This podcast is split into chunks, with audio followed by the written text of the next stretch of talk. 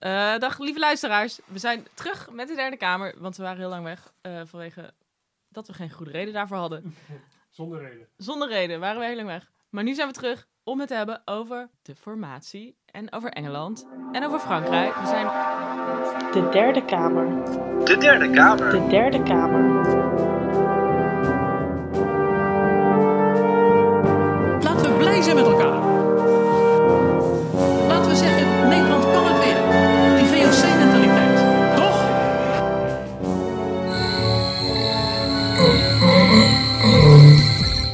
Het minister-presidentschap is all about responsibility. We're going to win so much, you may even get tired of winning.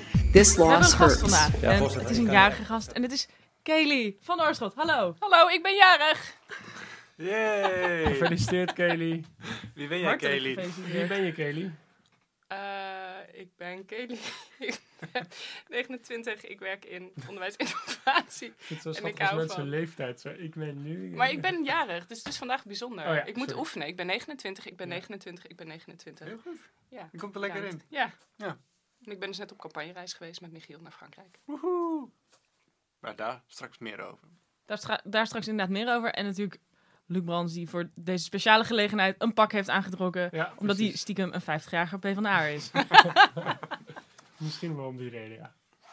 Eh, we gaan het hebben dus vandaag over eh, de formatie. We hebben een schitterende VOC Award. Eh Kelly en Michiel gaan vertellen over hoe ze in Frankrijk campagne hebben gevoerd voor allerhande Franse verkiezingskandidaten, presidentskandidaten. Ik ga over Groot-Brittannië praten, ja. Praten over Groot-Brittannië en Prins Philip. ik, ja, of Prins Philip ook. Interessant. Interessant, ja. Oké, de, de formatie. Eh, De laatste keer dat de uh, podcast opname was volgens mij de dag voor de verkiezingen. Ja, zeker. Nou, de wereld is helemaal veranderd inmiddels. Heb je net nog de uitslag opgezocht? Ja. Zullen we dat dan heel even Oké. om het geheugen op te frissen? Om het geheugen op te frissen voor de mensen die het vergeten waren. De VVD heeft de verkiezingen gewonnen. Nou, Is verreweg de grootste partij. Wat? Ja. Geintje, wist wel. Eh, gevolgd met 20 zetels van de PVV en 19 zetels voor het CDA en D66. Ehm, en 14 zetels voor zowel GroenLinks als SP. Dat zijn, de, ja, dat zijn de grootste eh, partijen nu. en de enige PvdA die nog over is, zit hier naast ons. Ik heb geen PvdA gestemd. Maar het gaat gewoon de volgende keer doen om jullie te drukken. Oké, hoe staat het er nu voor? Ehm, nou, na de verkiezingen ehm, wordt er verkend welke partijen met elkaar gaan samenwerken. En dat is een soort van informele functie, wordt dan aangesteld, de verkenner. Het staat niet vastgelegd in, eh, in de wet of iets dergelijks. Maar dat is een persoon die met alle partijen gaat praten van oké, welke partijen passen bij elkaar. Ehm, vervolgens wordt er door de Tweede Kamer een informateur aangesteld.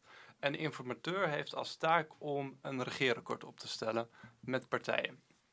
Ehm, die krijgt ook een opdracht mee van de Tweede Kamer. En in dit geval was dat om een regering te vormen met VVD, D66, CDA en GroenLinks. Eh, en in die fase zijn we nu eigenlijk. En En dat is Edith Schippers. dat is Edith Schippers. Ja, een vrouwelijke eh, informateur. En eh, ze zijn nu aan het onderhandelen over het regeerakkoord. En stel dat ze over een maand of wat, of misschien wel langer, echt een regeerakkoord hebben. Dan eh, gaat de informateur terug naar de Tweede Kamer, wordt erover gediscussieerd en wordt een formateur aangesteld. En die gaat een kabinet eh, maken die het regeerakkoord gaat aanstellen. Dat is het proces wat ze... maar En dat is dan iemand anders dan de informateur? Of is dat ook, kan dat ook dezelfde persoon zijn? Het kan in principe dezelfde persoon zijn, maar meestal is het een ander. Eh, de minister-president vaak. Of de, degene die de minister-president En gaat hoe zijn. ver zijn ze dan nu in de formatie? Ehm, ja, wat je hoort... De informatie dus. Ja, ja, ja het, Nee, is, niet het, is pro- formatie, het toch? proces van formatie wordt begeleid door de informateur. Oké, akkoord. Linguistics. Ja, daarom vraag ik het. Dat heb ik namelijk gestudeerd. Science. Ehm, op dit moment ehm, zijn dus vier partijen met elkaar aan het praten. Ehm, en alle berichten die naar buiten komen, en het zijn niet heel veel inhoudelijke berichten, maar de berichten die naar buiten komen, is eigenlijk dat het proces redelijk traag gaat. En dat ze dat ook redelijk expres doen om aan elkaar zeg maar, te wennen en vertrouwen op te bouwen. Ehm, En ook toch omdat ze niet zoals bij de vorige kabinetsformatie was volgens mij binnen 50 dagen geregeld. Ja. PvdA, VVD. En het was door de achterban van beide partijen leek het gewoon iets te snel te gaan eigenlijk. Klopt. Dat je eigenlijk je idealen misschien iets te snel uitverkoopt. Ja. Dus vandaar ook het vertragen, denk ik. Ja, en de tijd is natuurlijk nu heel anders. Toen was er een economische crisis, nu gaat het economisch in principe goed. Dus we hebben geen politiek nodig. Ehm, Het gaat inderdaad alleen maar over geld. Klopt. Geintje. Ehm, maar ehm, waarschijnlijk gaan ze de komende weken wel in, gaat het formatieproces in stroomverstelling raken. En ehm, de knelpunten gaan zijn over inkomen. Ehm, Voornamelijk GroenLinks wil ervoor zorgen dat de lage inkomens zeg maar, erop vooruit gaan. En eh, over migratie, over de vluchtelingen, waar GroenLinks weer heel erg voor het huisvesten en opnemen van vluchtelingen is, terwijl CDA en VVD er eigenlijk heel sceptisch over zijn. Die willen zelfs het VN-vluchtelingenverdrag aanpassen, zodat ze eh, daar onderuit kunnen komen. Ja, Wauw. ja echt een wauw. Gezellig. Ehm, Top. en ehm, wat ook een belangrijk punt gaat zijn, is het milieu. Ehm, waar zowel GroenLinks als D66 willen echt aanpakken dat Nederland richting klimaatneutraalheid gaat. Eh, terwijl VVD en CDA er veel sceptischer in staan. Maar in principe alle jongere afdelingen, maar bijvoorbeeld ook van VVD, die zijn toch ook heel erg voor duurzaamheid. Die zijn daar best wel op aan het pushen. Dus volgens mij is dat wel iets wat best breed gedragen is. Ja. en ook vanuit het, ik hoor veel dat, dat, dat ook bedrijven echt nodig vinden dat er iets gaat gebeuren met duurzaamheid. Ja, dus er is eigenlijk wel, denk ik, breed publiek ehm, steun voor duurzaamheid. Maar de VVD schrapt het op het laatste moment ook nog uit haar verkiezingsprogramma. Dus in die achterban Ja. zit ook wel echt een groep die er heel erg tegen is. En inderdaad, de, er was een soort van Twitter-fitty. Nou, dat was niet echt een fitty. Nee, ik wil echt geen Twitter-fitties bespreken. Nee, maar het was leuk. Ehm, de Hans Wiegel stond ergens op de Telegraaf of zoiets. Dat het echt belachelijk was om duurzaamheid iets te doen. Hij was gewoon een beetje boos. Iets aan doen. En daar reageerde de voorzitter van de JVD op. Ehm, misschien zeggen de, de 75-jarige mastodonten van de VVD nee, maar eh, de jongeren zeggen ja, zoiets. Dus het is inderdaad Best wel een krachtige uitspraak. zo, pam. Best wel relevant. Ja, Ja, ja, ja. en mastodonten sterven ook uit. Ja, Ja. dat is het klimaat. Ehm, Tegelijk met het klimaat. zijn, er nog, zijn er nog andere knelpunten in de formatie op dit moment? Ehm, nou, dit zijn wel de drie belangrijkste thema's. Werk, eh, milieu en migratie. Migratie, oké, dus dat zijn de drie knelpunten. Ik, eh, werk, milieu, immigratie. Oké. Ik kwam een artikeltje tegen op uh, rtlnieuws.nl. Want eh, ik stap ook wel eens uit mijn eigen bubbel. En ehm, Knap hoor. Ik lees normaal alleen de Telegraaf. Dat snap ik. Ehm, maar mijn, eh, ehm, mijn eh, eh, artikeltje, dat ging over eh, eigenlijk ministersposten. En ze hadden van ingewijden al gehoord dat er over ministersposten was gepraat. En vaak worden dit soort dingen natuurlijk een beetje aan de media gelekt als een beetje een proefballonnetje. Ik denk dat het ook nu het geval is. Uh, maar wat daaruit blijkt is uh, eigenlijk ja, dat ze het gaan verdelen al op 4-3-3-2. Dus VVD 4, 3 voor het CDA, 3 voor D66 en 2 voor GroenLinks. En dat ligt ook wel voor de hand. Er schijnt nogal wat gedoe te zijn over... Nou, het ligt voor de hand dat VVD de premier levert, maar die willen ook sociale zaken. Halbe Zelstra wil sociale zaken minister nee. worden. Godstaan, God help ons bij. Uh, schijnbaar wil het CDA, uh, wil, mag dan, het gaat ook een beetje met die ministeries zo dat je eerst mag de VVD dan kiezen en dan mag het CDA kiezen. En dan zeg maar, totdat la, de GroenLinks mag als laatste kiezen. Nou ja, het CDA die wil heel graag financiën hebben, maar dat wil D66 ook. Uh, er is ook een dingetje over onderwijs, dat wil D66 natuurlijk. Alexander Pechtold schijnt minister van Onderwijs te worden, zeg ik als docent met veel angst in mijn stem. Dat lijkt me echt de hel. Maar god staan me bij. Waarom? D60 wil ook buitenlandse zaken. Dat lijkt me echt heel goed. Ik had eigenlijk liever Bram van Ooyek op buitenlandse zaken. Dat ja, was oké. echt het top. En GroenLinks wordt afgescheept met ontwikkelingssamenwerking en milieu. Afgescheept? Dat is oké. Ja, nou, ik vind het wel een beetje afgescheept, omdat ik het toch dan vind klinken als een rechtskabinet met groene franje. Zo komt het dan toch een beetje op mijn hoofd van, nou, je krijgt ontwikkelingssamenwerking, wat een redelijk klein ministerie is. En oké, infrastructuur en milieu is wel iets groter.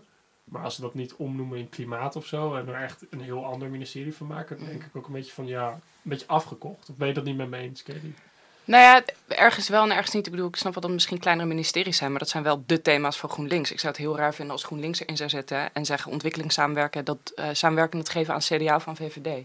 Dan zou je als achterban GroenLinks volgens mij niet heel blij mee moeten zijn. Nee, daar heb je ook gelijk in. Het schijnt ook zo te zijn dat Jesse Klaver echt een harde claim heeft gelegd op deze ministeries, maar ik weet niet. Het, het is niet echt een soort van een van de machtige ministeries als justitie of BUZA of... Maar het ligt er toch gewoon aan hoeveel geld erheen gaat. Als er heel veel geld naar dat ministerie Ja, dat gaat, dan, en, dan is, wordt het machtiger, toch? Als we rekeningrijden in kunnen voeren.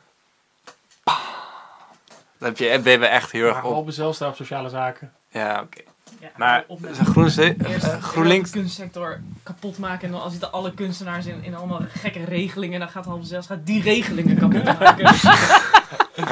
Dit is wel wat er gaat gebeuren, ja. ja, ik niet. Maar jullie kunstenaars worden toch gemotiveerd van Ja, hou op. geen eten hebben en zo? Ja, love it. Je het hebben. Beste kunt komt ben ik eruit echt blij dat je sushi had meegenomen, want dat was mijn ontbijt. Maar wat denken jullie? Gaat dit kabinet het halen of niet? Met Ja. VVD, CDA, D66, GroenLinks? Ja, alleen wel peentjes weten, want GroenLinks wil dus een congres beleggen aan het eind. Als enige partij. En dan wordt het, dan krijg je natuurlijk heel veel gezeik, want dan gaan die oude, oude weet je, echt de oude, oude, oude eh, GroenLinksers. Hoe oud ongeveer bedoel je Nou, van voor de fusie. Oké. Dus zeg maar van voordat GroenLinks GroenLinks was. Dus van de Mhm. oude partij. Ik denk dat daar dan wel weer, daar zit ook echt nog wel wat hardlinkse elementen tussen. En GroenLinks Amsterdam is falikant tegen. Die Ja? gaan echt rellen, ja. Ja? Anne, denk jij dat het gaat halen? Ja, ik heb het idee dat het wel gaat gebeuren, ja. Maar En ik ben je kan me ook daarvoor of voorstellen niet? dat het dan heel... Dat, dat, dat eh, GroenLinks of D66 vrij principieel gaan zijn over migratiestandpunten als dat nodig is. Waardoor het misschien dan niet een heel lang leven beschoren is. Of. Ja. Ja, ik denk sowieso dat het niet gaat uitzitten. Nee. En Kelly, denk jij dat het eh, dit kabinet gaat worden? Ik weet het oprecht niet. Ik denk dat, dat eh, met de congres op het einde van GroenLinks... Ik, ik ken best wel veel mensen van GroenLinks die niet willen dat dit gebeurt. Dus ik denk dat het daar misschien wel op kapot zou kunnen lopen. Ook omdat mensen bang zijn dat hetzelfde gaat gebeuren wat er met de PvdA is gebeurd. Ik denk niet dat het gaat gebeuren. Ik denk dat ze met de ChristenUnie verder gaan.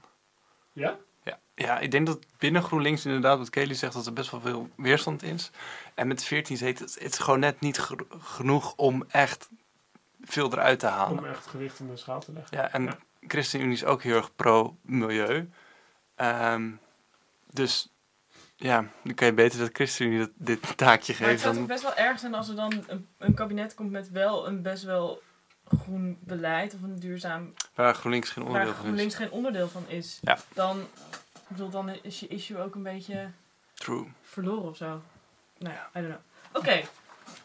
Van de formatie naar de VOC Award. De VOC Award van deze week. Eh, wie gaat die, of deze maand, deze aflevering eigenlijk. Wie gaat, wie gaat die winnen? deze drie maanden. Deze drie maanden. Wie gaat die winnen? Eh, ja, wie gaat hem dan winnen? Dumpert en geen stijl? Of het ministerie van Defensie? Afijn, dit is het wat er aan de hand is. Ik, be- ik, begrijp, ik begrijp niet waarom u hier zo negatief en vervelend over doet. We zeggen, laten we blij zijn met elkaar. Voorzitter, ik zal Laat het u optimistisch precies uitleggen. Laten we zeggen, Nederland kan het weer. Die VOC-mentaliteit. Over grenzen heen kijken. Dynamiek. Eh, op het internet was er... eh, In de krant eh, zelfs. ja, en zelfs in de krant, print media. Wat? Wat? Ja, ja. Een aantal columnisten hadden, eh, schreven eh, over Dumpert en de eh, rubriek Dumpert reten, waarin eh, eh, dus reten van vrouwen eh, worden gegeven. Dat is dan een grapje met rating. Aan Cute. Linguistics Cute. again. dat is heel slecht. En, en er waren een aantal columnisten die zich boos maakten over wie ehm, betaalt eh, dit eigenlijk. Omdat eh, er zijn natuurlijk bedrijven advertentieinkomsten. En daar zitten bedrijven achter die dus advertenties op die, die adverteren op die sites. Want eh, nog heel even in het kort, wat er mis met dat dumpert reten? Is het niet gewoon puberale humor? Of Oh ja, het is allemaal zeer seksistisch. En Ja. vrouwen worden ofwel als eh, lelijk of als eh, om te neuken, zeg maar, gewoon eh, geportretteerd. Er zit niet echt veel tussen. En toen kwam de we- hashtag wie betaalt Dumpert reten. Ja, iedereen die naar die website gaat, toch? Ja, Ja. maar Alle dus- kliks. alle kliks en dus ook, maar dus ook de advertentie. eh, Ja. Ja, En- maar ja, ja want ze, de, het Geen Stijl reageerde ook met, volgens mij dank eh, Rosanne Herpesberger. Oh, cute. Eh, ja, heel Volwassen. Heel Volwassen. Met, omdat ze natuurlijk hierdoor wel weer veel mensen naar hun site waren gekomen, waardoor ze eh, veel aandacht kregen en uiteindelijk waarschijnlijk Maar is er, is er echt een essentieel probleem aan het feit dat er een dat pillen zeg maar beoordeeld worden? ik denk Nou, het niet. ja. Oh. Ik denk van niet. Nou, ik denk niet dat er een essentieel probleem is in het beoordelen van schoonheid. Ik denk alleen gewoon, ja, nee, Een beetje uit Hallo, evenwicht. weet je, het hele Rijksmuseum hangt vol met dit. Uiteindelijk. Ehm, ik denk alleen gewoon... Dat, dat, ik denk niet dat dat het probleem is. Ik denk dat het probleem is dat zij dus internetfilmpjes waarderen aan de hand van billen. Zo van, die scoort vijf billen, die scoort één billen. En, ook aan, en dan hebben ze dus vrouwen ingehuurd en die draaien gewoon... ja, Die, die, die soort van in bikini staan en die draaien om als het, als het zeg maar een ster krijgt. En de manier waarop het gaat, het probleem is dus ook de manier waarop er hierover wordt gepraat, is gewoon alleen maar. Die vrouw, er wordt alleen maar naar vrouw gerefereerd als stukken vlees waar je een piemel in kan stoppen of niet. Dat is zeg maar het hele referentiekader volgens mij. Maar als het mannen waren en je ging ballen reten, spierballen dan, hoop ik. dat zou het heel grafisch worden. Maar volgens mij moet je het zien als een symptoom van iets groters. Ik bedoel, als het, als het alleen dit zou zijn, dan zou ik zeggen, nou, misschien is het niet het probleem. Maar ondertussen eh, zijn er zoveel andere problemen op het gebied van seksisme, dat Ja. vrouwen op bijna alle vlakken in hun leven geobjectiveerd worden. Geobje- Geobjectiveerd is het woord dat we hier zoeken. Make linguistics great again. Is het ook niet zo dat er wordt gewoon ook een ruimte geschapen om in die comments vervolgens, want daar gaat het dan, komt dan echt het gal naar boven. De trolls. Dan is het echt zo van ik zal mijn hond er niet vanaf trappen of eh, weet je, dat is echt gewoon. Ja, ik vind het gewoon zo heftig om zo over mensen te praten. Ik bedoel, ook al zouden het mannen zijn, dan zou ik dat ook heel heftig vinden. Alleen gebeurt dat dus niet zoveel bij mannen. Ik vind het is heel vaak in zo'n gesprek, ja, maar zou je het ook erg vinden als het bij mannen is? Ja, maar het gebeurt niet bij mannen. Dus het is een soort irrelevant vraagstuk. Michiel. Oké, duidelijk. Maar, maar het is wel- er zit wel veel meer in ook, omdat er zit natuurlijk ook nog dit hele extra dingen en daar heeft Loes Rijmer volgens mij een heel goed artikel over geschreven, of een interessant artikel in de Volkskrant. Over dat gaat ook al heel erg over online cultuur. En dat het ook eigenlijk de nerds zijn. Dat die nerds zich misschien een beetje machteloos voelen. En dat dit zijn gewoon de zolderkamer nerds. En zo, zo spotten ze ook met zichzelf. Zeg maar zielige reaguurders noemen ze zichzelf dan die nog nooit een vrouwentiet hebben aangeraakt. Zo, wordt, zo praten ze letterlijk ook in die dat dumpertate over zichzelf. En dan is dit de manier waarop zij met die seksualiteit omgaan. Dus dat is wel op zich interessant vanuit een misschien meer sociologisch perspectief. Het gaat niet zozeer om hun eigen seksualiteit, maar over hoe ze zich tot anderen verhouden. En dan, Ja. dan ben je anderen in jouw seksualiteit aantrekken zonder dat die daarom gevraagd hebben. Dus dat is, dat is veel agressiever dan iemand die in zijn zolderkamer zichzelf aan het ontwikkelen is en een beetje zit af te trekken. Want dat is oké. Dat moet je zeker gewoon lekker doen. We zijn heel erg Nee, maar ja, dit gaat er natuurlijk dat het internet natuurlijk wel ook een publieke ruimte is waar Ja, eh, je mensen eh, Maar ik, aanvalt. Ik, ik vind wel... Ik, ik vind eigenlijk dat Rosanne Hertzberg het heel goed heeft ingestoken. Want wat zij... Ja, ze is natuurlijk... eh, verder vind ik haar vreselijk, want ze is rechts als de pest. Maar in het rechtse liberale had ze ook alweer een punt dat ze zei van... Ja, ik vind wel dat dit moet kunnen bestaan op zich. Je moet het niet gaan verbieden. Alleen je moet inderdaad wel vraagtekens zetten bij... Welke adverteerders maken dit mogelijk? En dat is inderdaad interessant. Wil je als bedrijf daaraan verbonden worden? Ik vind ook niet dat je dit soort shit moet gaan verbieden. maar volgens mij Alleen, zou de, wil de, je als bedrijf hiermee geassocieerd worden? ja, dus volgens mij zou inderdaad laten zien welke bedrijven dit doen. Dat zou echt de grootste straf zijn en erbij zetten waarom dat verwerpelijk is. Ja. Ja, nou ja, dat gebeurt dus nu. Yes. Yes. Laat- Oké. Laat die nerds maar verder lekker hun filmpjes hebben. Maar weet je, het is niet zo dat KLM dat mogelijk hoeft te maken. Let's go to France. Ja, Frankrijk. Michiel en Kelly waren in Frankrijk. Vorige week? Eh, Twee weken geleden. Twee weken bij de- geleden? Eh, vertel, wat hebben jullie gedaan? Ehm, wat we hebben gedaan, we zijn met eh, de BKB, het campagnebureau, zijn we op een reisje geweest. Parijsie. Een reisje naar Parijs. Ehm, Een Parijsie. in Parijs. Oké. Ehm, wat we daar hebben gedaan is, we hebben de Franse verkiezingen gevolgd. En de Franse verkiezingssysteem werkt als volgt. Er zijn twee rondes. In de eerste ronde mag iedereen meedoen die in eh, 500 kiesdistricten eh, steun heeft gekregen, kieskringen steun heeft Het gekregen. gaat over president alleen, toch? Ehm, en ehm, dan wordt er een eerste verkiezingsronde gehouden. En dan degene die eh, de twee meeste stemmen hebben, die gaan door naar de tweede ronde. En dan wordt er weer gekozen wie dan uiteindelijk de president van Frankrijk wordt. Oké, en die eerste ronde was twee weken geleden. En ehm, eh, er zijn nu nog twee mensen over. En dat zijn de twee presidentskandidaten. Klopt. Dat zijn Macron en Le Pen.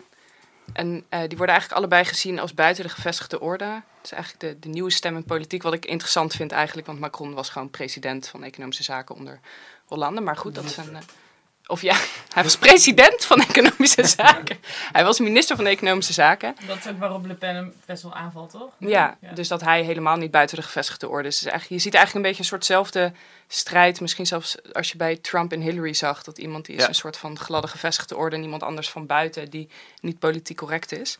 Want je ziet Macron, die is heel erg pro-Europa. Die heeft in een jaar echt een, een, een politieke beweging opgezet. Zo noemen ze het ook. En Marche heet het. En eh daar zitten heel veel jongeren bij. eh, veel vrouwen, best wel veel hoogopgeleide mensen. En aan de andere kant heb je Le Pen. Die heel erg voor geslotenheid is, protectionisme. Eh, die wil uit Europa stappen, die wil eh, de frank terugbrengen, die wil eigenlijk de grenzen sluiten. En je ziet dat heel veel aanhangers van Le Pen die zitten op het platteland, die zijn lager opgeleid, zitten veel boeren tussen. Wat ook weer heel interessant is, omdat heel veel boeren in Frankrijk zijn afhankelijk van Europese subsidies. Ja. Dus dat is ook wel interessant om te zien wat daar gaat gebeuren. En wat ook wel opvallend is, dat veel van de aanhangers van Le Pen eh, jongeren zijn. Omdat in Frankrijk zeg maar echt een grove verdeling is in eh, hoog en laag opgeleid. Maar dat Ja. de jongeren veel weinig arbeidskansen hebben. Hoe Ja. komt dat zo dat die, dat, die, dat die verdeling zo sterk is tussen hoog en laag opgeleid? Weet je dat? Nou, Frankrijk heeft sowieso een onderwijssysteem dat heel erg elitair is. Je hebt een aantal colleges zeg maar, dat ehm, heel erg goed zijn en waar, het ook lastig is om binnen te komen. En dan krom je topposities en Luc vindt het heel erg vet. Eco-nationale superieur en zo. Ja. Ja, en daar komen ook alle bekende filosofen en eh, presidenten allemaal, komen daar allemaal vandaan. Ehm, Macron komt daar ook vandaan. Die heeft ook op zo'n school gezeten, toch? ja, en Le Pen heeft het ook gedaan, Ja, maar die heeft volgens niet afgemaakt. Ja, jee, go Le Pen. Drop out. Volgens mij heeft iedereen die heeft op Sciences Po gezeten, toch? Zo Ja. ongeveer, die politiek eh, iets betekent in Frankrijk. Maar dat is dus wel een eh, opvallend verschil met bijvoorbeeld Brexit of met eh, Trump-Clinton. dat dus de steun onder jongeren echt veel hoger is bij Le Pen dan bij... Dan bij Macron. Ja. Nou, niet, eh, zeg maar, er is ook veel steun van jongeren bij Macron, maar het is veel meer 50-50, zeg maar. Terwijl bijvoorbeeld in Brexit waren de jongeren veel meer Ja, voor ja, ja, ja, Remain. ja. En in eh, eh, VS was het ook veel steun voor Clinton. Ja, je Dus- kunt niet een soort leeftijdsgrens op beide partijen leggen. Wat Nee. je bij die anderen wel heel duidelijk zag. Nee, dus dit, de, de, de, het verschil zit hem veel meer in economische achtergrond. En, eh, Ja, en heel erg het afsluiten. Europa ook zien als, een, als de vijand. En eh, ja, het- mensen zeggen dat dit, dit wordt de verkiezing van voor of tegen globalisering. ja. Heeft natuurlijk gigantisch effect ook op Europa en wat er verder gaat gebeuren. en de traditionele partijen zijn eigenlijk volledig buitenspel gezet. Ja, dat is echt voor het eerst sinds eh, dit soort presidentsverkiezingen worden georganiseerd. Dus niet de traditionele partijen in de rondes zijn. Een aantal jaar geleden was eh, de vader van Marine Le Pen. Die kwam ook in een presidentsverkiezing in de eerste ronde terecht. Eh, maar verloor daar van Chirac, van, eh, van de conservatieven. En dit is voor het eerst dat eigenlijk de geen traditionele partijen meedoen. En dat is ook wel weer heel erg tekenend voor Ja. deze tijdsgeest. Ja. Ja. En wat ik ook heel interessant vond toen we in eh, Parijs waren, is dat we waren in gesprek met de campagneleider van eh, Macron. En ehm, daar kwam eigenlijk naar voren dat Macron ook een heel duidelijk plan heeft voor Europa. Eh, dat ze nu bezig zijn met het opzetten van, als, als hij ook echt president wordt, dat ze dan evenementen in alle Europese steden willen organiseren om na te gaan denken over de toekomst van Europa. En daar moet niet een soort van verdrag of iets, iets dergelijks uitkomen, maar echt wat zijn de waarden van Europa, waar moeten we naartoe? Moet hij zich dan niet aansluiten bij het initiatief van Varoufakis? Ehm, nou, ik denk dat ze zeg maar, ideologisch wat veel uit elkaar liggen. Varoufakis is natuurlijk eh, links en die eh, ageert heel erg tegen het neoliberalisme. Terwijl Macron eigenlijk Dat is wel neoliberaal is. centraal. Heel... Ja. Ehm, Maar hij zegt heel vaak ook dat hij niet links of rechts is, toch? ja, typisch. Typisch. Maar, nou, maar hij is, hij is volgens mij iemand die Is zich... dat strategie? Ik denk het wel. Ik denk dat hij zich heel erg verzet tegen het links en rechts. Hij zegt links heeft goede dingen, rechts heeft goede dingen. Ik wil dat we van alle partijen zouden we dialoog aan moeten gaan en moeten kijken wat daar het beste van is. Ja, dat Daar- is, ja. Nou, daar wordt hij dus ook van beschuldigd dat hij gewoon eh, iedereen te vriend wil houden en dat hij geen eigen standpunt inneemt. Dat kan best wel tegen zich keren, tegen hem keren, als hij niet Ja. duidelijker een standpunt gaat innemen. juist. Ja, en tegelijkertijd zijn bijvoorbeeld de, de. Volgens mij zou je allebei de kandidaten ervan kunnen eh, beschuldigen dat ze weinig inhoud in een programma hebben. Want als je Le Pen vraagt over wat haar plannen zijn na Frankrijk, zeg maar, als Na na een Brexit. Frexit, Ja. dan, eh, dan komt er ook niet echt een goed verhaal naar voren. Dus Hmm. volgens mij zijn mensen heel erg op onderbuik erg. aan het stemmen. Ja. Ze draait ook heel erg over Brexit, zeg maar. Ja, Ze heeft eerst gezegd van dat ze een referendum wilde houden over Brexit. En nu de laatste tijd ook omdat ze dus ehm, nu naar de eerste ronde gaat. Dus eigenlijk ook meer eh, gematigde stemmers moet aantrekken. Ja. Zegt ze weer van nou ja, misschien is de euro wel een goed idee. Ehm, hetzelfde doet Macron overigens, die eerst eh, heel erg pro-Europa was, nu nog steeds wel Europa, maar ook meer een dreigende taal richting de EU slaat van oké, Europa moet wel hervormen. Ja, er moet wel iets veranderen. Ja, dat is wel een heel erg duidelijk iets. En hij zegt nog net niet anders dan. Maar dat zit wel heel erg in zijn toon. Ja. En ja, in die zin heeft Frankrijk ook wel echt een machtspositie. Want als Frankrijk uit de EU stapt, of dreigt Ja, uit te stappen, dan is de EU op. Ja, Ja. ja, dat is natuurlijk een heel belangrijk punt. En ik moet eerlijk zeggen dat ehm, Macron, ja, hij is eigenlijk een beetje D66. En wat wel nog wel opvallend is, is dat Le Pen wel echt veel gematigder in haar taalgebruik is dan Wilders. Ehm, dus zij zal niet zeggen als minder minder Marokkanen, zeg maar. Ze probeerde eh, in haar Niet taalgebruik... meer, want ze heeft wel in het verleden Ja. best wel onhandige dingen geroepen. Ja, en er zitten ook wel wat antisemitische elementjes in haar eh, retoriek. Dus Ja, van de vader. Ehm, maar toen ik daar was, en ik weet niet of jij dat ook had, ik werd echt best wel enthousiast bij Macron, omdat hij dus een beweging binnen een jaar heeft neer weten te zetten van 250.000 Fransen, wat heel erg knap is. En dat hij een heel erg duidelijk plan heeft om Europa te hervormen, maar wel een Europa dat zeg maar met elkaar werkt. Ja. En ik kreeg echt van, oké, eindelijk is er weer iemand die een positieve impuls aan Europa kan Ja. geven, in plaats van zeg maar de afgelopen jaren, waar er alleen maar zeg maar Dat iedereen afgeeft op Europa. Ja. Want alles wat niet goed gaat is de schuld van Europa. Ja, eh, kijk, dat is op zich interessant. En ik denk ook dat bijvoorbeeld Schulz in Duitsland eh, als bondskanselier-kandidaat, dat hij ook zo'n geluid heeft. Alleen, je, praat over die beweging en dat het binnen een jaar is opgezet, maar dat is tegelijkertijd ook een Achilleshiel. Want er komen hierna parlementsverkiezingen. En in Frankrijk, zonder, als hij, da- daar haakt het voor hem op. Als hij daar niet een soort van traction krijgt, dat hij eh, in ieder geval een hoeveelheid zetels krijgt in, de, in, de, in het parlement waarmee hij een coalitie kan vormen of iets kan doen, dan kan het best wel zo zijn dat het vast komt te zitten. Ook door het Franse presi- semi-presidentiële systeem. Maar want hoe zit dat systeem? Er is een president, die wordt nu Ja. gekozen en daarna wordt het parlement gekozen. ja, en het parlement, dus de president wijst de premier aan, maar het parlement keurt de regering goed. Dus je kan iets hebben dat heet cohabitation. En dat betekent dat het parlement van een totaal andere kleur is dan de president. En dat heb je in het verleden wel gehad en dan zit het gewoon vast. Dus dan heb je een regering bijvoorbeeld die rechts is, met een, premier die, met een president die links is. Eh laatste keer is denk ik in begin jaren 90. Oh, wel, Volgens mij is dat sowieso met de uitkomst van deze verkiezingen een groot risico. Want Le Pen Ja. die heeft ook heel weinig zetels. En die heeft Ja. sowieso nog nooit geregeerd. En volgens mij is de manier waarop het kiesdistrictenstelsel is ingericht... is het voor haar helemaal niet positief. Ik kan dat eigenlijk niet verder toelichten dan dat. Nee, het is, het is een uh, kiesdistrictensysteem, wat dus betekent dat er eh, per partij één kandidaat is en de winner takes all. Dus die ver- vertegenwoordigt dan het district in het parlement. En ehm, wat de traditionele partijen altijd hebben gedaan, ehm, stel er is een linkse kandidaat en een rechtse kandidaat en die halen allebei 20% van de stemmen. En de kandidaat van uh, Front Nationaal van de partij van Le Pen had 40 stemmen, dan, eh, 30 stemmen. Dan trekt links of rechts een van de kandidaten terug zorgt ervoor dat hu- hun eh, achterban zeg maar, op de andere kandidaat stemt. En dan wint een kandidaat van een traditionele partij. Dus ze hebben altijd een soort van cor- cordon sanitair gehad rond Front Nationaal. Wat er nu voor heeft gezorgd voor om de, weet ik veel, 400 zetels of in het parlement zijn er maar twee voor Front Ja. Nationaal. Ja, dat is super weinig. En dat is heel erg weinig. Maar het is wel interessant wat er dan gaat gebeuren na die parlementsverkiezingen van wat de traditionele partijen gaan doen en die, hoe zij gaan onderhandelen met Macron en wat er dan Ja. gaat gebeuren. Want de socialisten, de linkse partijen, die zijn, die, dat is echt een beetje wat nu de PvdA ook in Nederland is. Daar zit niet veel energie meer en die zijn heel erg ah, ook een soort van soul searching aan het doen waar ze voor moeten staan. ja, wat een bestaansrecht is inderdaad. En ehm, de rechtse partij die staat nog wel redelijk stabiel, toch? Ja, die had volgens mij iets van 19% van de stemmen ook. Ja. Maar wat, wat Luc inderdaad zei, zeg maar, na de eerste ronde, als het bekend is welke president wordt, komen in juni de parlementsverkiezingen. Eh, en dan wordt eigenlijk bepaald wie de premier wordt. Dus dat is ook nog heel spannend. Misschien is dat nog wel... Nee, dat is niet spannender dan dit. Maar dat is ook gewoon heel spannend. En dat is dan de aanvoerder van de regering. Ja. Oké. En ehm, de verwacht, tenminste Macron zegt ook van, nou ja, we gaan een coalitie vormen. En dat is voor het eerst in Frankrijk dat zoiets zou kunnen gebeuren. Oh ja. Oké, eh, als laatste Engeland. Oh ja, Groot-Brittannië, inderdaad. Niet Engeland. Ehm, Sorry. Nou ja, nog. inderdaad. Eh, Great Britain. Not long. Ja, de great, great in Great Britain wordt ook een beetje minder great. Ehm, ja, eh, we hebben het eigenlijk al heel lang hier niet gehad over Groot-Brittannië, terwijl dat toch wel een van de interessantere schaakspellen is op politiek vlak die we nu hebben.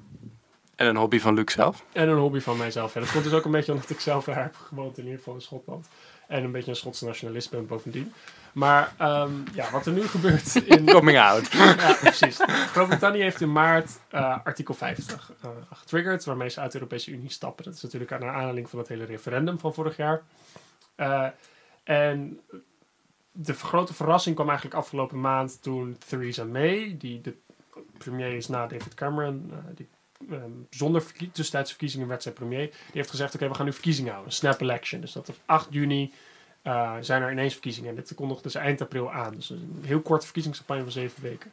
Het idee hierachter is dat ze zegt, dan krijg ik een grotere meerderheid, want ze heeft nu een hele krappe meerderheid in het lagerhuis. En dan heb ik een beter mandaat om te onderhandelen met de Europese Unie. De vraag is of dat echt zo is, want ehm, ze loopt natuurlijk het risico om een aantal zetels te verliezen. Eh, bijvoorbeeld aan de Liberal Democrats, die de vorige keer heel erg slecht hebben gescoord in de verkiezingen. En nu heel erg anti-Brexit zijn. En een aantal kiesdistricten dus zetels zullen kunnen gaan winnen van mensen die zeggen: hé, hey, we willen helemaal niet uit de Europese Unie. Want vergeet niet, dat referendum was echt eh 42, nee, 52. 51% om 50%. Ja, het was echt dus een heel close. krappe meerderheid voor Brexit. Dus er zit in een aantal kiesdistricten zit nu iemand namens de Tories. Eh, en een aantal kiesdistricten die overwegend toch voor blijven in de Europese Unie waren. Dus het kan zijn dat die gewipt worden. Maar bovendien is het, denk ik, maar dit is mijn analyse, niet slim dat ze nu verkiezingen uitschuift, omdat ze tijd verliest, gewoon om te onderhandelen. Want artikel 50, daar zit een twee jaar termijn aan. Dus binnen twee jaar moet, het, moet er onderhandeld zijn wat er gebeurt na de brexit. Anders gaan ze gewoon letterlijk, vallen ze uit de Europese Unie en krijgen ze, eh, worden ze, stappen ze ook uit de markt automatisch. Zonder enig vrijhandelsverdrag. En dan zijn ze, moeten ze dus handelen met de Europese Unie op zogeheten wereldhandelsorganisatiestandaarden, oftewel gewoon tariefmuren. Dan, hebben ze zo, dan heeft Oekraïne of Turkije heeft een betere deal om te handelen met de, met de Europese Unie dan Groot-Brittannië. Dus dan hebben ze zeg maar een vergelijkbare deal met Zimbabwe of zo. Zeg maar. Namelijk gewoon geen deal.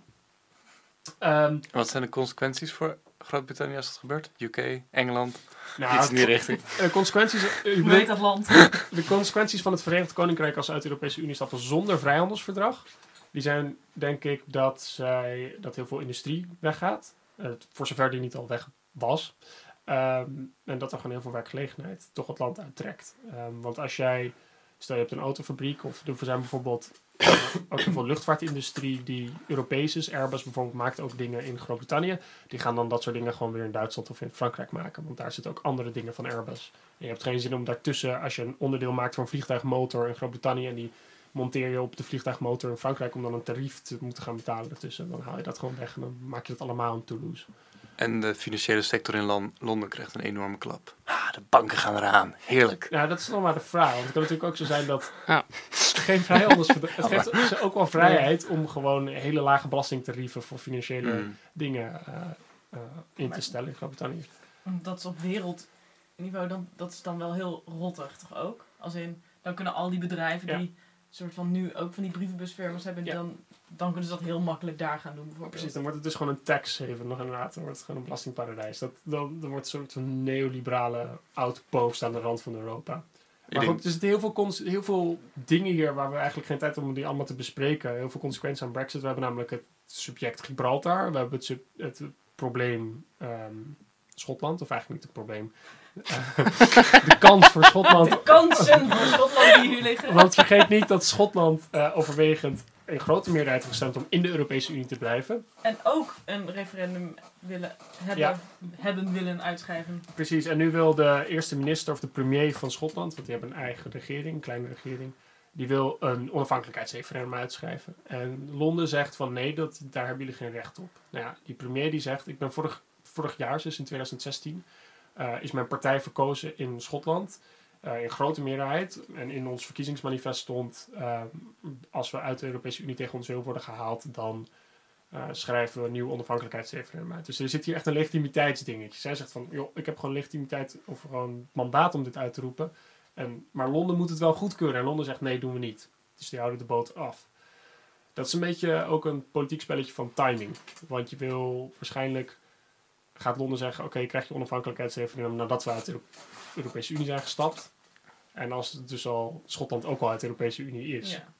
Ehm, terwijl Nicola, of, eh, Nicola Sturgeon, de premier van Schotland, een topvrouw trouwens, die wil eigenlijk dat referendum houden voordat ze uit de Europese Unie zijn. Maar als wel al duidelijk is wat de kutconsequenties zijn van uit de Europese Unie zijn. Waarom? Zodat ze wint, want dan is duidelijk hoe slecht het is om buiten de Europese Unie te zijn. Maar dat ze nog wel een soort van terug kan in de Europese Unie als onafhankelijk Schotland. Ja. Ja, Zodat ze niet helemaal het hele proces door hoeft te lopen van precies. toetreden tot de EU. Dus dat ze er gewoon nog in zit. Ja, want dat duurt jaren anders, toch? Ja, alleen er is wel, kijk, er zijn een aantal dingen hier.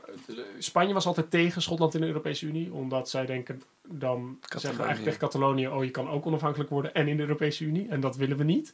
Maar ze hebben nu langzaam laten doorschemeren dat ze er eigenlijk nu wel ja, positief tegenover staan tegen Schotland in de Unie. Er zijn ook wel wat verhalen uit, uit Brussel dat, omdat Schotland natuurlijk al alle wetgeving heeft doorgevoerd, dat het vrij, een vrij eenvoudig toetredingsproces zou zijn. Een beetje vergelijkbaar met hoe Oost-Duitsland eh, lid werd van de Europese Unie via Duitsland, zeg maar. Dat was, ging vrij soepel binnen een jaar was dat gewoon gebeurd.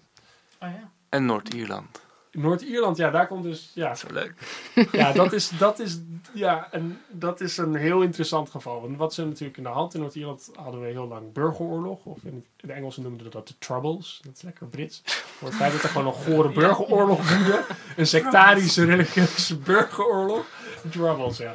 De Troubles. Daar gingen gewoon bommen af in Londen, bommen in Belfast, leger ingezet. Maar oké, Troubles. Alsof je zeg maar je teen net... De taalaflevering. Alsof de thee net geen 100 graden is. Zeg maar. Dat is een bit of a trouble. Ehm, ja, maar dus, dus in 2005 uit mijn hoofd is het Goede Vrijdagakkoord gesloten. Waarmee eh, Noord-Ierland eh, de burgeroorlog eindigde. Waar ging de burgeroorlog om? Heel ingewikkeld. Had echt te maken met protestantisme, katholicisme. En het feit dat Noord-Ierland misschien gewoon bij Ierland wil horen. Sorry, ja. Ik ga al door. Ik ga door.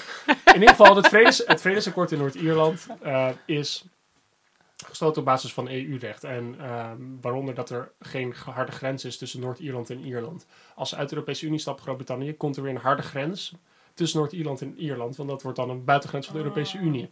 En dat vinden mensen in Noord-Ierland niet zo fijn. Want dan is de verbinding met de Republiek Ierland. Is, ja, als je ineens een grenscontrole door moet. En dat een grenscontrole van een buitenpost van de Europese Unie. Die is vrij fors. Dat, dat, dan haakt het hele eh, vredesakkoord gaat weer, eh, staat weer op losse schroeven. En dat wil eigenlijk niemand. En hoe heeft Noord-Ierland dan gestemd? Eh, dat wordt Voor Remain. ja, Echt alleen maar verliezers in Brexit. Ja. Dat is Ja. echt ongelooflijk. Er is eigenlijk niemand die hiervan wint. Echt een clusterfuck. Ja, het is Dus echt één groot echt? clusterfuck. Echt Zo een verneukt? clusterfuck. Het is echt helemaal misgegaan. En de Britse regering lijkt niet echt te beseffen dat het een clusterfuck is. Dus Theresa May die zegt laten we van Brexit een succes maken. Kreeg afgelopen week... Kunnen, kunnen ze eigenlijk nog terug? Ja, je kan altijd terug. Dat weet Maar ik kunnen ze dan zeggen van Kunnen oké, ze nu zeggen, geintje, we doen het toch niet... Remain! Ah, Ik denk het wel, maar ik denk niet dat het gaat gebeuren. wat Kijk, zij gaat waarschijnlijk wel de verkiezingen winnen. Ik denk dat ze wel wat verliest, maar Labour gaat heel veel verliezen ook. Ehm, ik denk dat zij de verkiezingen wint en dat zij gewoon zo doorgaat. Alleen volgens de Europese Unie leeft de Britse regering in een ander universum, letterlijk. In een andere galaxy. Omdat ze hebben gewoon geen idee, want ze zijn allemaal, er is nog een probleem. En dat is namelijk het geld, zeg maar. De, de- dus ze zitten bij de Europese Unie en ze hebben gezegd... Ja, we betalen de komende jaren gewoon contributies, altijd gezegd. En heel veel EU-begrotingen zijn gemaakt op het idee van... Oké, we krijgen zoveel geld uit Groot-Brittannië. Groot-Brittannië stapt er nu uit en zegt we gaan niks meer betalen. Ja, dan moet iemand anders dus dat gat vullen van Groot-Brittannië. Dat wil de Europese Unie niet. De Europese Unie zegt ja, het is geen golfclub. hebben ze letterlijk gezegd tegen Theresa May. Je moet gewoon, waar je zomaar weg kan gaan. Je moet gewoon betalen. En een van de hardste eh, hierin is eh, de Nederlandse regering. Eh, de Nederlandse vertegenwoordiging in Brussel schijnt te zeggen... ja, allemaal goed en wel. Maar ja, hier komen de Calvinisten. We gaan geen cent meer betalen... omdat jullie uit de Europese Unie stappen. We willen jullie troubles niet. Ja, we willen jullie troubles niet. En dat is interessant, omdat ook Nederland altijd zo'n Die bondgenoot troubles was. komen onze polder Ja. niet in. Maar er is dus heel veel aan de hand. En we gaan het hier later nog een keer nog uitgebreider over hebben of niet. Eh, maar hou het in de gaten. Eh, dat, dus over vier weken zijn dus verkiezingen in Groot-Brittannië. Twee maanden ligt de Europese Unie er waarschijnlijk weer heel anders bij. je moest even rekenen. Ik zag het. Ik zag het aan je kopie. Nou, gewoon bedankt voor het luisteren naar de derde kamer. Krap. En ook bedankt Sinatol voor dat we hier mochten opnemen. Groetjes! Doei! Doei, ik ben jarig. En bedankt Kelly.